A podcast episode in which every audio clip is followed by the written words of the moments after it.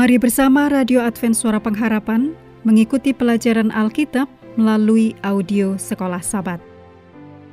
Selanjutnya kita masuk untuk pelajaran hari Rabu, tanggal 20 September. Judulnya Perisai, Ketopong, dan Pedang. Mari kita mulai dengan doa singkat yang didasarkan pada 1 Petrus 3 ayat 11. Ia harus menjauhi yang jahat dan melakukan yang baik. Ia harus mencari perdamaian dan berusaha mendapatkannya. Amin.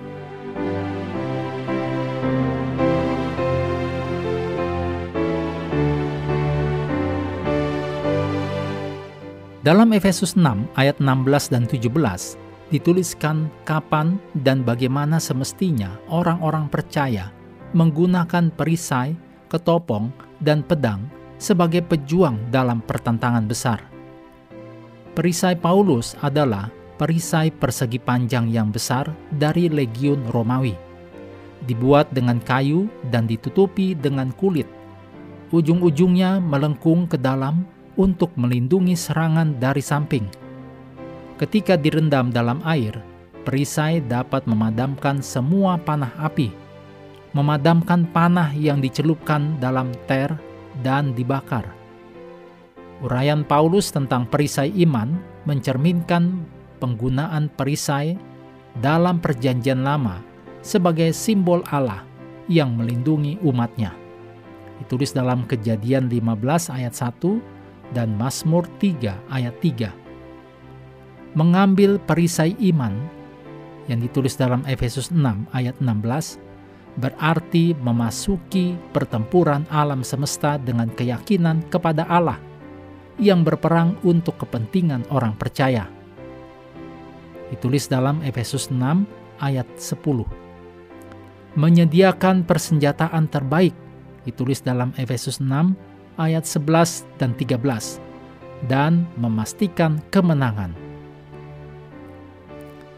Pada saat yang sama, Ketopong Romawi terbuat dari besi atau perunggu, berbentuk seperti mangkuk yang melindungi kepala, ditambahkan plat di bagian belakang untuk menjaga leher, pelindung telinga, dahi, dan plat untuk melindungi pipi. Mengingat perlindungan penting yang diberikan ketopong, yaitu ketopong keselamatan dalam Efesus 6 ayat 17 melambangkan keselamatan yang dialami orang percaya saat ini dalam keakraban dengan Kristus yang telah bangkit, naik, dan dipermuliakan. Tulis dalam Efesus 2 ayat 6 sampai 10. Mengenakan ketopong keselamatan berarti menolak rasa takut akan kuasa roh-roh yang begitu umum pada waktu itu dan sebaliknya percaya kepada kuasa tertinggi Kristus. Dalam Efesus 1 ayat 15 sampai 23, juga Efesus 2 ayat 1 sampai 10. Bagian akhir dari baju sirah adalah pedang roh yang adalah firman Allah. Ditulis dalam Efesus 6 ayat 17.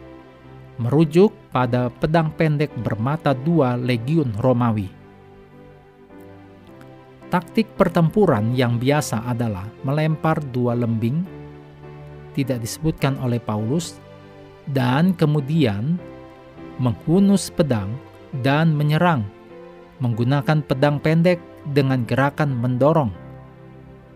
Pedang orang percaya adalah pedang roh, karena pedang itu disediakan oleh roh, senjata yang diidentifikasi sebagai firman Allah Paulus melangkah maju sebagai jenderal dan mengeluarkan panggilan untuk perang, mengucapkan janji-janji pengharapan dan kemenangan dari Panglima Ilahi.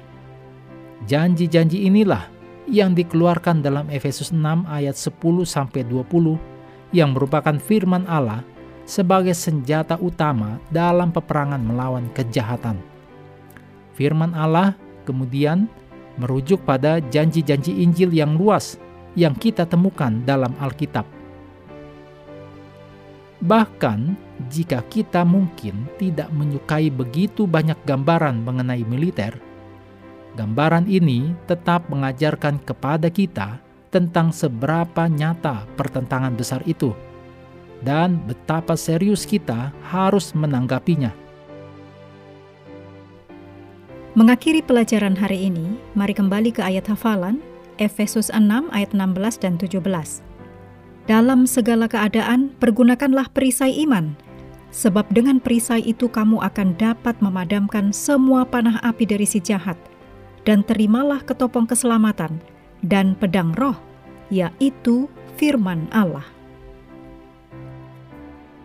Kami terus mendorong Anda bersekutu dengan Tuhan setiap hari melalui renungan harian, pelajaran Alkitab Sekolah Sabat, bacaan Alkitab sedunia, percayalah kepada nabi-nabinya, yang untuk hari ini melanjutkan dari Mazmur pasal 137.